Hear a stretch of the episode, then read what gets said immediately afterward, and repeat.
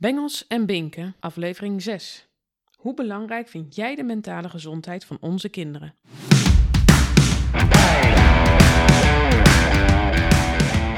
Ik geloof dat je als ouder je eigen keuzes moet maken in de opvoeding van je kinderen. Daarom help ik jou verder kijken dan de gebaande paden. En geef ik je tools waarmee je jouw kind zelf kan helpen door de uitdagingen van het opgroeien heen. Zodat jij echt plezier haalt uit jouw rol als ouder. Ik ben Anouk Bink en dit is Bengels en Binken.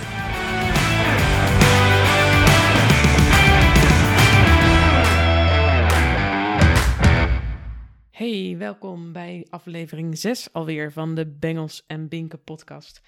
Ehm, vandaag een iets ander soort onderwerp dan ik meestal heb. Uh, want ik wil het vandaag even hebben over de situatie waar we momenteel in zitten met z'n allen. Sinds maart 2020 staan we met z'n allen voor een hele bijzondere situatie. COVID-19 is in ons land gekomen en dat heeft nogal wat op zijn kop gezet. Niet alleen voor ons, ook voor onze kinderen. En dat heeft nogal wat effect allemaal. Inmiddels zitten we in uh, februari 2021 en we zijn dus bijna een jaar verder. En in dat jaar is er zoveel gebeurd en hebben we ook weer zoveel stilgestaan. Nou, daar heb ik het vorige keer al eventjes over gehad.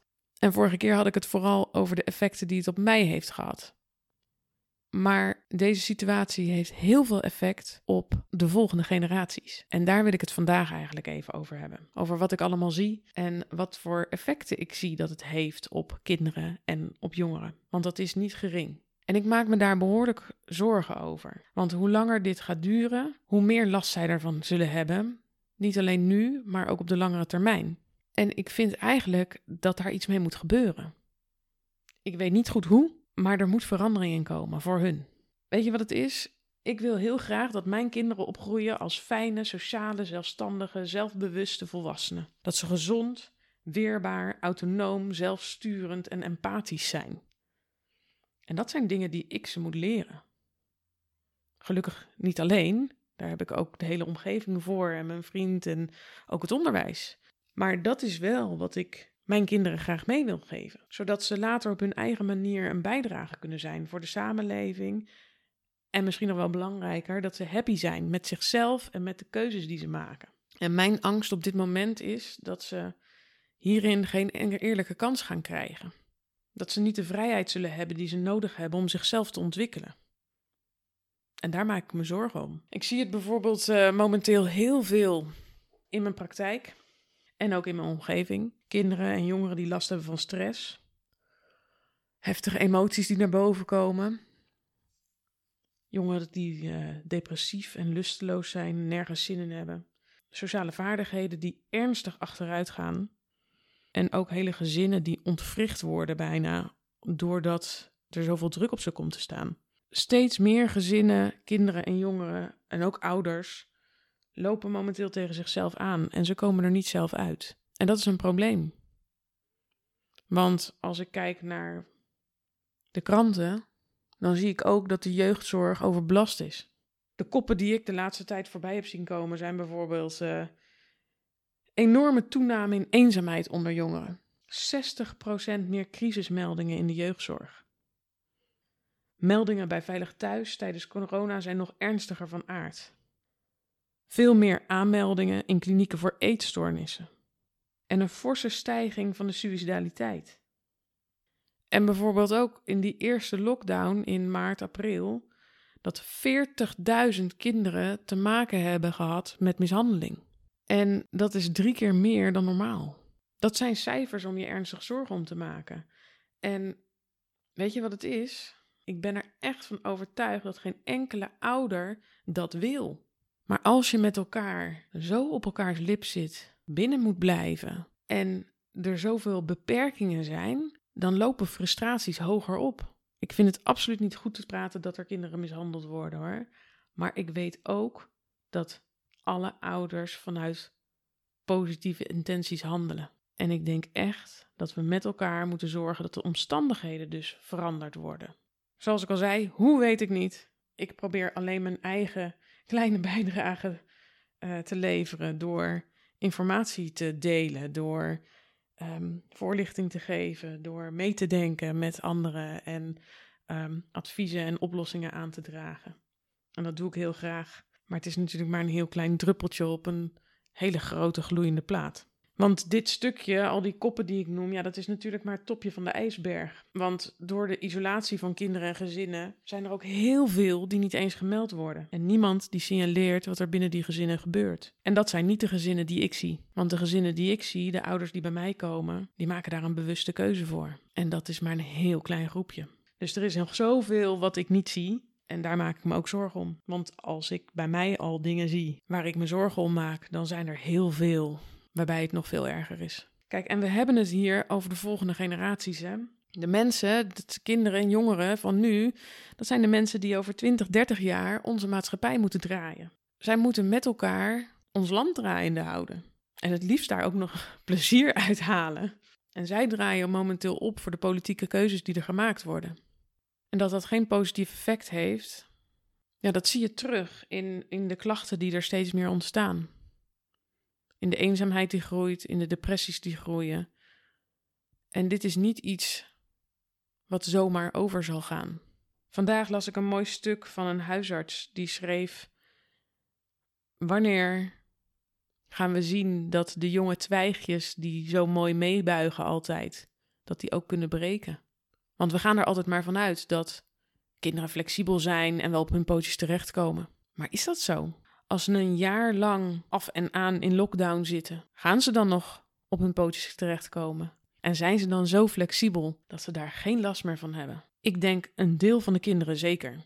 Maar hoe langer het gaat duren, hoe minder dat er zijn. En wat ik dus ook heel lastig vind, is dat de maatregelen die momenteel gelden, dat die zoveel doen met kinderen die in ontwikkeling zijn. Als ik bijvoorbeeld kijk naar de verantwoordelijkheid die bij, bij ons gedrag wordt neergelegd door de politiek, dat wij met elkaar, met ons gedrag ervoor moeten zorgen dat andere mensen niet ziek worden. En dat is dus ook waar kinderen en jongeren op worden aangesproken. Dat is niet oké. Kinderen krijgen het gevoel: ik mag bepaalde dingen niet doen, want anders wordt mijn oma ziek. Daarmee leg je een extreme verantwoordelijkheid bij dat kind neer. Dat kan niet. Als je binnen een gezin de verantwoordelijkheid voor de gezondheid voor volwassenen bij een kind neerlegt, bijvoorbeeld omdat een moeder of een vader ziek is of um, psychische problemen heeft en daardoor niet voor het kind kan zorgen, maar dat het andersom moet, dan noemen ze dat parentificatie. En dat betekent dat een kind de rol van de ouder op zich neemt. Op een moment dat een kind dat doet, dan heeft dat enorme effecten voor zijn ontwikkeling. Want zijn eigen ontwikkeling wordt op dat moment eigenlijk stopgezet of uitgesteld, omdat hij er voor een ander moet zijn. Dat is schadelijk voor kinderen. En dat is wat er nu gebeurt door de boodschap die steeds wordt afgegeven. Met jouw gedrag moet jij zorgen dat een ander niet ziek wordt. Die verantwoordelijkheid kunnen we ze helemaal niet geven. Iedereen heeft de verantwoordelijkheid voor zijn eigen gezondheid. En natuurlijk kunnen we elkaar daarbij helpen. Maar leg niet de verantwoordelijkheid bij kinderen en jongeren. Als ik dan ook kijk naar de maatregelen die er zijn, die anderhalve meter. In sommige landen inmiddels twee meter, of gaan zelfs richting de drie, begreep ik. Dat is iets wat onnatuurlijk is. Zeker voor kinderen. Nou, die regel geldt voor hen gelukkig niet. Nog niet. Ik hoop dat die er nooit komt. Maar de regel geldt wel voor pubers. En pubers zitten in een ontwikkelingsfase waarin ze zichzelf leren ontdekken, waarin ze zichzelf leren kennen. En daarin is het zo belangrijk om met andere pubers te kunnen stoeien, een duwtje hier, een knuffel daar, bij elkaar op schoot zitten. Ik kan me nog zo herinneren van de middelbare school, dat was het normaalste zaak van de wereld. En dat hoort erbij. Dat past bij die leeftijdsfase omdat door het aanraken van anderen, door het stoeien, door het knuffelen, door leer je zo ontzettend je eigen grenzen kennen. En ook die van een ander. En dat is cruciaal. En dan de mondkapjes. Mondkapjes in het straatbeeld en mondkapjes op scholen. Mijn grote probleem met mondkapjes is dat je niet meer ziet wie je voor je hebt. Je mist de hele mimiek van een gezicht. Dus je kan moeilijk inschatten op wat voor manier iemand iets bedoelt. Ehm, er valt een heel groot stuk communicatie weg, want het grootste gedeelte van onze communicatie is non-verbaal. En die non-verbale communicatie, die mimiek van het gezicht, dat is iets waar we al vanaf baby af aan naar kijken. Wat we nadoen, waar we van leren, waardoor je emoties leert kennen. Op het moment dat je een deel van je leven alleen maar mensen met mondkapjes ziet, zodra je buiten komt, dan zie je dus niet dat andere mensen emoties hebben, dat ze een mimiek hebben. En leer je dat dus ook niet. Als je nu buiten op straat mensen ziet lopen met een mondkapje die een kind van twee tegenkomen, dan is er geen contact, geen sociale verbinding. Terwijl eerder zou iedere oudere dame die een tweejarige ziet lopen contact maken, even een gekke bek trekken. En niet alleen die oudere dames natuurlijk, dat is een normale manier van met elkaar omgaan. Kinderen die nu twee zijn, die kennen dat straks niet. Dus die leren ook veel minder van al die mensen die je normaal gesproken tegenkomt. En als we het dan hebben weer over de pubers op de middelbare scholen, waar ook zij zelfs mondkapjes moeten dragen. En ik hoor van steeds meer kinderen dat dat niet alleen in de pauze is, of in de gang, of als ze zich verplaatsen door het gebouw, maar dat dat ook is in de lessen, omdat er bijvoorbeeld een docent in de risicogroep valt, of omdat er een docent dichterbij moet komen omdat het een praktijkvak is. En dat betekent dus dat heel veel leerlingen van 12 tot en met 16, 17 jaar een groot gedeelte van de dag met mondkapjes op zitten. Nou ja, wat dat met hun eigen gezondheid doet, daar zijn de meningen over verdeeld. Daar zal ik me verder niet aan wagen. Maar wat dat met hun sociale ontwikkeling doet, dat is heel veel. Want dat betekent dus dat ze de hele dag, of een groot gedeelte van de dag, de mimiek van een ander niet kunnen zien. Daarnaast houdt het ook je expressie tegen. Als je iets voor je mond hebt, letterlijk, dan uit je je veel minder makkelijk. En we worden letterlijk expressieloos, anoniemer, minder sociale verbinding. En daar maak ik me zorgen om, want op het moment dat we geen sociale verbinding hebben, ja, zijn we dan nog wel mensen? Dat is toch juist hetgene wat ons mens maakt. Daarnaast zie ik heel veel kinderen en jongeren die angst hebben voor het virus zelf. Nou ja, dat is iets wat natuurlijk al vanaf maart bij ons ingepeperd wordt. Er wordt echt angst verspreid door nieuws, door media, door politiek. En dat heeft grote effecten.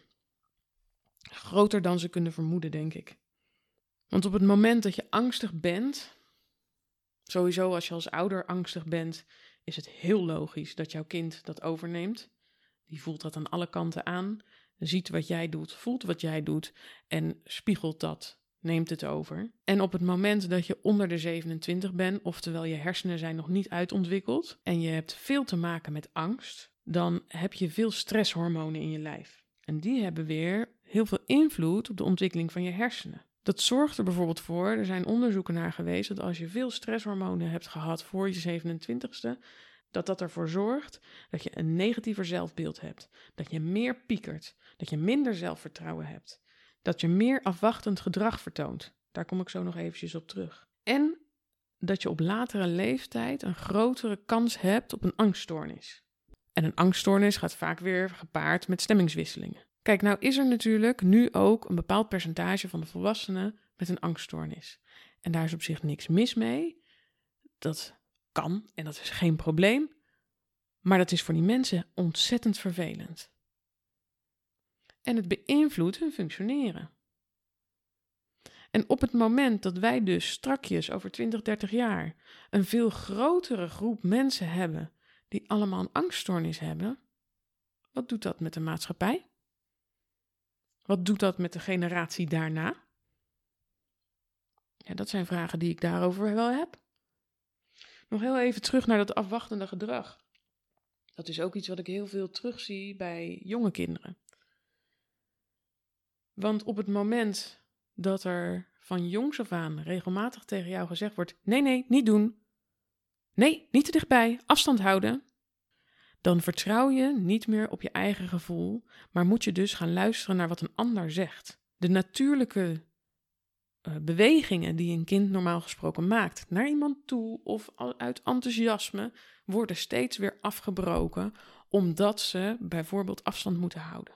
Als je dat vaak genoeg doet bij een kind, neemt een kind op een gegeven moment geen eigen initiatief meer. En dat eigen initiatief is zo ontzettend belangrijk voor het opbouwen van zelfvertrouwen. Want doordat je zelf eigen initiatief neemt, laat je zien dat je dingen kan. En begin je ook steeds meer te vertrouwen op dat je dingen kan. Hoe meer je afwacht, hoe minder groot dat zelfvertrouwen. En hoe minder groot het zelfvertrouwen, hoe meer je gaat afwachten. Dan zit je in een visuele cirkel.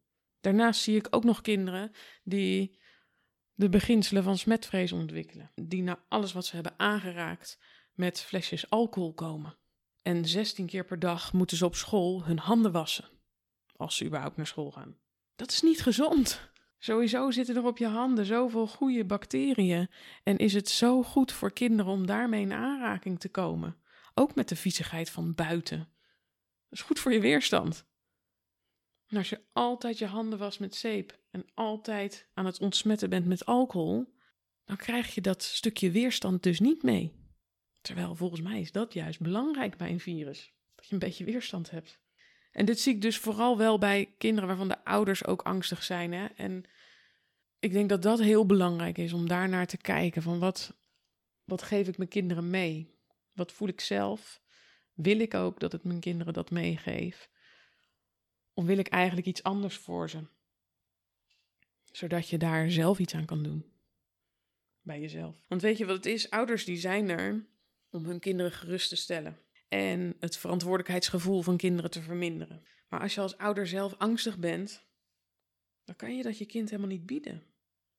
Dus dat zorgt voor enorme onzekerheid. Op het moment dat jij als ouder onzeker bent, dan is je kind dat nog sterker.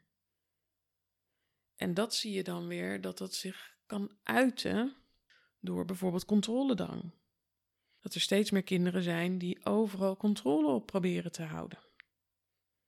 Als je dat bij je kind ziet, als je dat bij je kind herkent, is het heel goed om te gaan kijken: hé, hey, waar zit een stukje onzekerheid? Welke duidelijkheid en zekerheid kan ik mijn kind bieden zodat die controledrang niet nodig is? Kan ook met prikkelverwerking te maken hebben. Daar ga ik het nog een andere keer over hebben. Ehm, maar als je het nu ziet, vooral sinds de start van deze hele corona-periode, ehm, is het wellicht goed om te gaan zoeken naar waar kan ik mijn kind wat meer zekerheid geven, wat meer duidelijkheid geven, zodat die controledrang niet nodig is. Wat ik verder zie, is dat er uh, ook nogal wat uh, andere side-effecten zijn. Kijk, nu zitten we ook in lockdown, dus um, heel veel winkels zijn niet open. Uh, scholen zijn dicht, zowel de middelbare scholen als de basisscholen. Dat zorgt voor heel veel kinderen voor een gebrek aan structuur. Een gebrek aan structuur, een gebrek aan sociale contacten. En dat heeft ook veel effect ik zie bijvoorbeeld dat ze heel veel kinderen veel minder beweging hebben. Dat ze soms ook ongezonder eten. Dus dat hun weerstand omlaag gaat. Ik zie dat zorg wordt uitgesteld, ook voor kinderen. Niet alleen de medische zorg, maar ook uh, de GGZ, de JGZ. Omdat het zo druk is en er zoveel mensen ook af en toe thuis moeten blijven, et cetera dat de wachtlijsten gewoon veel langer zijn. Nou wordt er veel gepraat over leerachterstanden. Nou, daar kun je natuurlijk ook je mening over hebben. Mijn mening is vooral dat er niet te veel over gepraat moet worden, want dat krijgen kinderen mee. En op het moment dat een kind in zijn hoofd heeft dat hij leerachterstanden heeft, dan klopt dat ook. Terwijl er zoveel is wat ze leren, wat wij nooit geleerd hebben. Daar kom ik straks nog op terug. En ik denk dat het goed is om het niet over leerachterstanden te hebben met kinderen. Elk kind ontwikkelt zich op zijn eigen manier en op zijn eigen snelheid.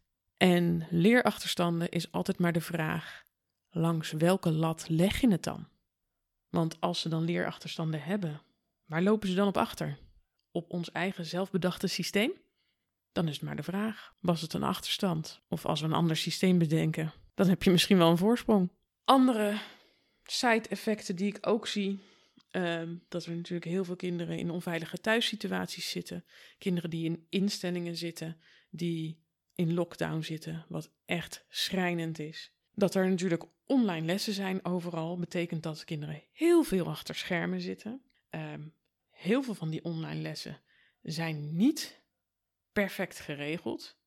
Nou snap ik dat vanuit het onderwijs, want er is ook een hele snelle omschakeling hebben ze moeten maken. Logisch dat je dan tegen kinderziektes aanloopt, maar dat betekent wel dat onze kinderen, die nu proefkonijn zijn voor deze nieuwe manier van werken, er tegenaan lopen dat het vaak niet goed geregeld is. Hoeveelheid beeldschermen zie ik sowieso heel veel, dat ook al hebben ze geen online les, dat het heel makkelijk is om een tablet, een laptop, een tv aan te zetten of een telefoon erbij te pakken. Want ja, er is verder toch niet zoveel te doen. En dat heeft natuurlijk groot effect. Nou, als je me een beetje kent, dan weet je al een beetje hoe ik denk over schermen. En de hoeveelheid schermen die nu de hoek omkomen, ja, dat vergroot die probleem natuurlijk alleen maar erger.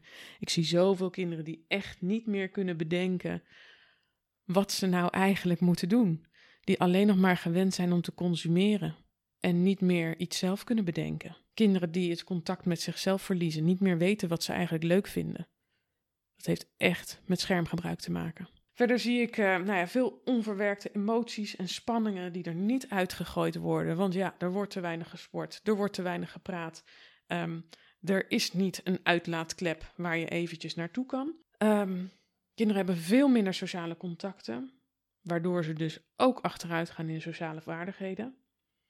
Er is veel onzekerheid over de toekomst, wat ook veel vragen met zich meebrengt. De contacten die er zijn trouwens, die zijn uh, veel meer functioneel en veel minder sociaal. Dus veel minder kinderen kunnen gewoon kletsen en hun ei bij elkaar kwijt. Waardoor je dus ook een vergroting hebt van de eenzaamheid. Er zijn veel meer spanningen binnen het gezin. Kinderen met uitdagingen die te weinig hulp krijgen. Veel meer mentale problemen weinig toekomstperspectief. En wat ik ook zie is dat de empathie tussen kinderen en jongeren afneemt.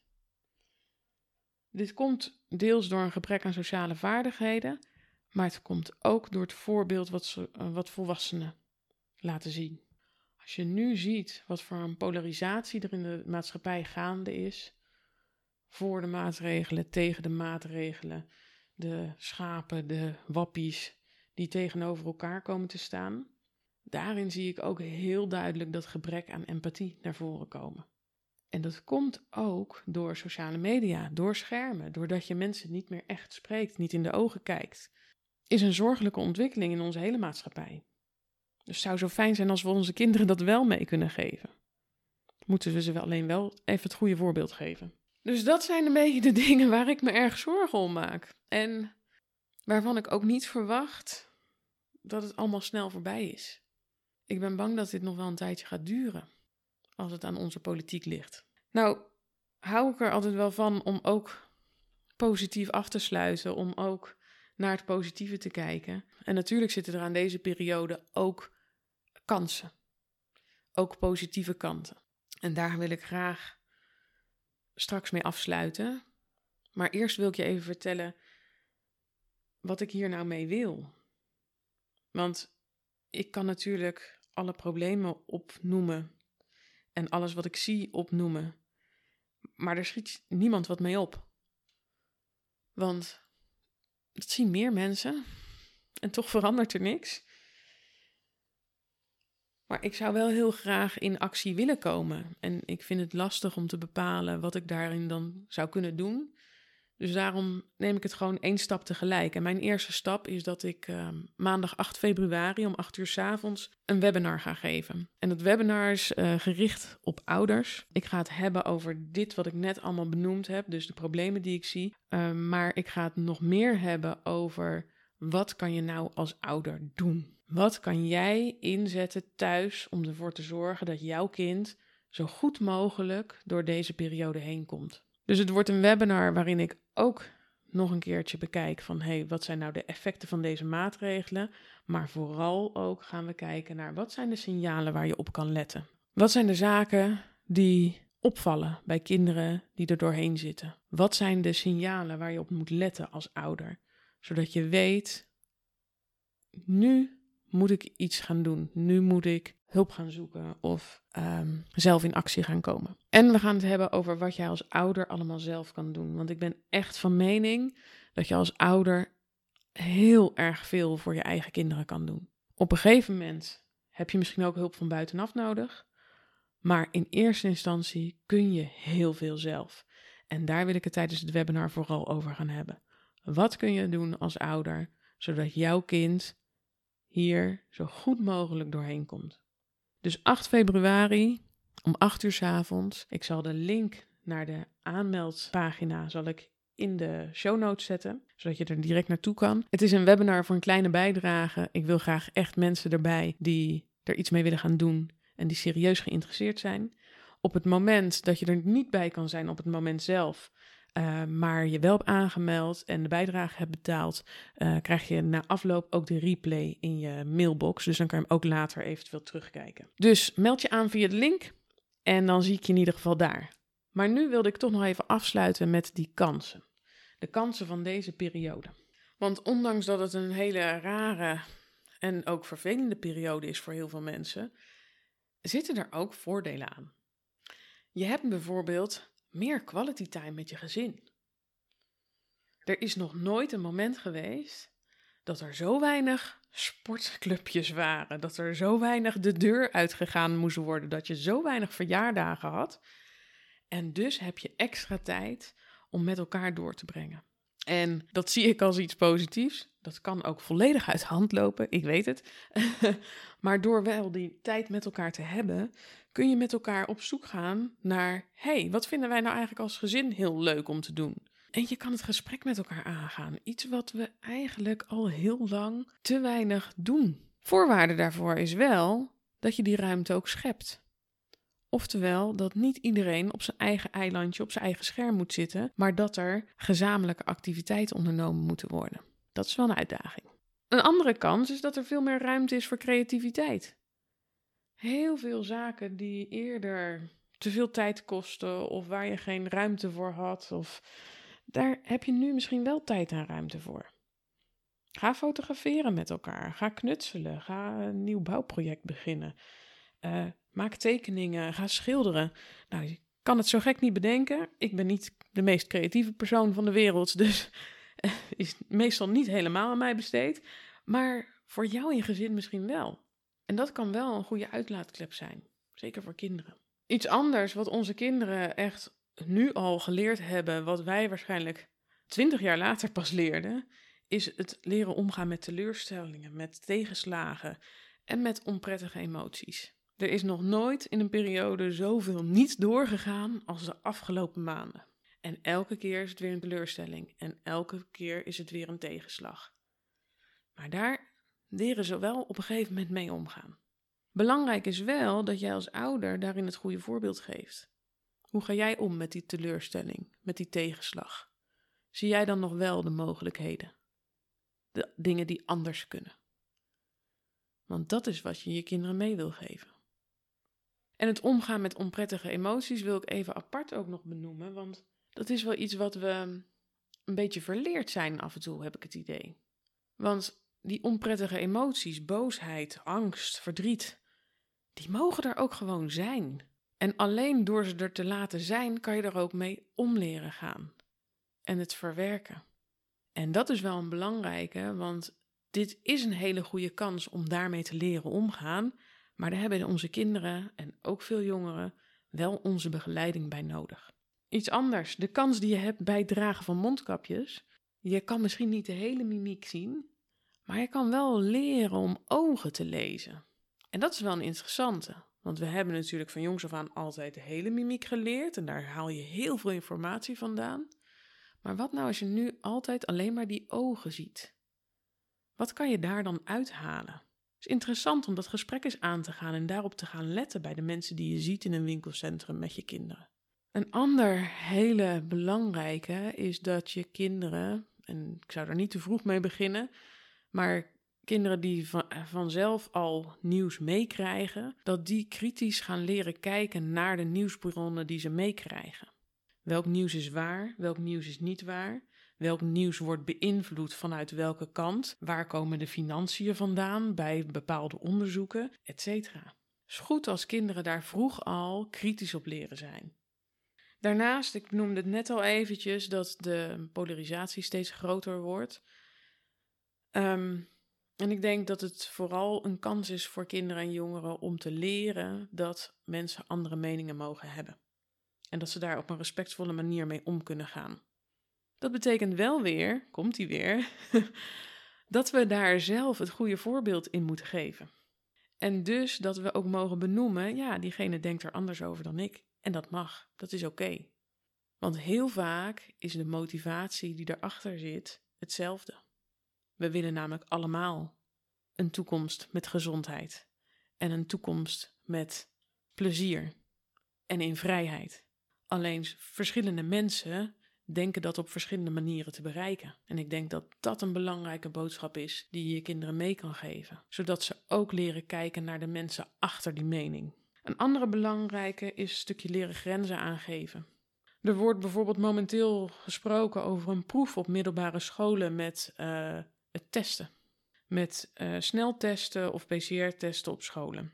En de boodschap die wij daarmee afgeven naar kinderen is dat op het moment dat zij verplicht getest moeten worden, is eigenlijk dat ze niets te zeggen hebben over hun eigen lijf. Dat vind ik een zorgelijke ontwikkeling. Op het moment dat je kinderen verplicht laat testen terwijl er geen klachten zijn en er is niet een duidelijk doel voor de test, dan vertel je dus een kind: wij gebruiken jouw lijf voor ons onderzoek en jij hebt daar niets over te zeggen. Dat gaat dus over je lichamelijke integriteit en dat vind ik een schadelijk iets als je daarmee aan de haal gaat. Wat dus heel belangrijk is, is dat kinderen in deze periode leren voelen waar liggen mijn grenzen. Wat vind ik nog oké en wat niet? Vind ik het oké dat door voor die reden dat er bij mij een test afgenomen moet worden, of voelt dat voor mij niet goed? En mag ik dan nog nee zeggen? En dat stukje grenzen aangeven is een hele belangrijke. En ik ben ook echt van mening dat het voor kinderen en jongeren heel belangrijk is dat als ze hun grenzen aangeven, dat daar ook naar geluisterd mag worden. En natuurlijk kan dat niet altijd. Kijk, als een kind onderzocht moet worden omdat er iets ernstigs aan de hand is en er duidelijk een oorzaak is waardoor dat onderzoek uitgevoerd moet worden en er duidelijk een plan is wat er daarna dan gaat gebeuren, dan kun je dat met elkaar bespreken. En dan kun je een kind uitleggen dat iets echt nodig is. En ik ben hier in deze, bij testen op middelbare scholen voor corona, daar niet van overtuigd. En dat is denk ik iets waar kinderen zelf ook over mogen nadenken en waarin ze dus ook gerespecteerd mogen worden in de grenzen die ze aangeven. En de laatste die ik graag wil meegeven, wat echt wel een kans is, is dat het zo belangrijk nu op dit moment is om te kijken naar wat er wel is. Want er is zoveel niet. En er mag zoveel niet. En er is zoveel wat niet doorgaat. Maar op het moment dat je zelfs nu kan blijven kijken naar dat wat er wel is en dat wat we wel hebben en dat wat er wel kan, dus denken in mogelijkheden, dat is een ontzettend waardevolle eigenschap en een ontzettend waardevolle waardigheid als je dat kan. En ik hoop echt dat door het goede voorbeeld te geven, dat jij dat je kinderen ook mee kan geven. Ik wens je heel veel succes en sterkte in deze lastige periode. En ik hoop je maandag 8 februari bij het webinar te zien en te spreken. Mocht je nou vooraf denken: hey, ik heb nog een belangrijke vraag die ik graag tijdens het webinar beantwoord zie. Uh, ik sluit het webinar af met een QA. Dus dat betekent dat je vooraf een vraag kan insturen die ik vervolgens ook tijdens het webinar kan beantwoorden. Um, dus meld je aan, stuur je vraag op en dan uh, zie ik je graag op 8 februari. Tot de volgende keer. Dankjewel voor het luisteren naar deze aflevering. Heb je er wat aan gehad? Abonneer je dan op deze podcast. Dan weet je het meteen als de volgende aflevering online staat. Of laat een review achter. Dat helpt me enorm om meer mensen te bereiken. En als je nou specifiek iemand in gedachten hebt die iets aan deze podcast heeft, deel hem dan. Heel erg bedankt en tot de volgende keer.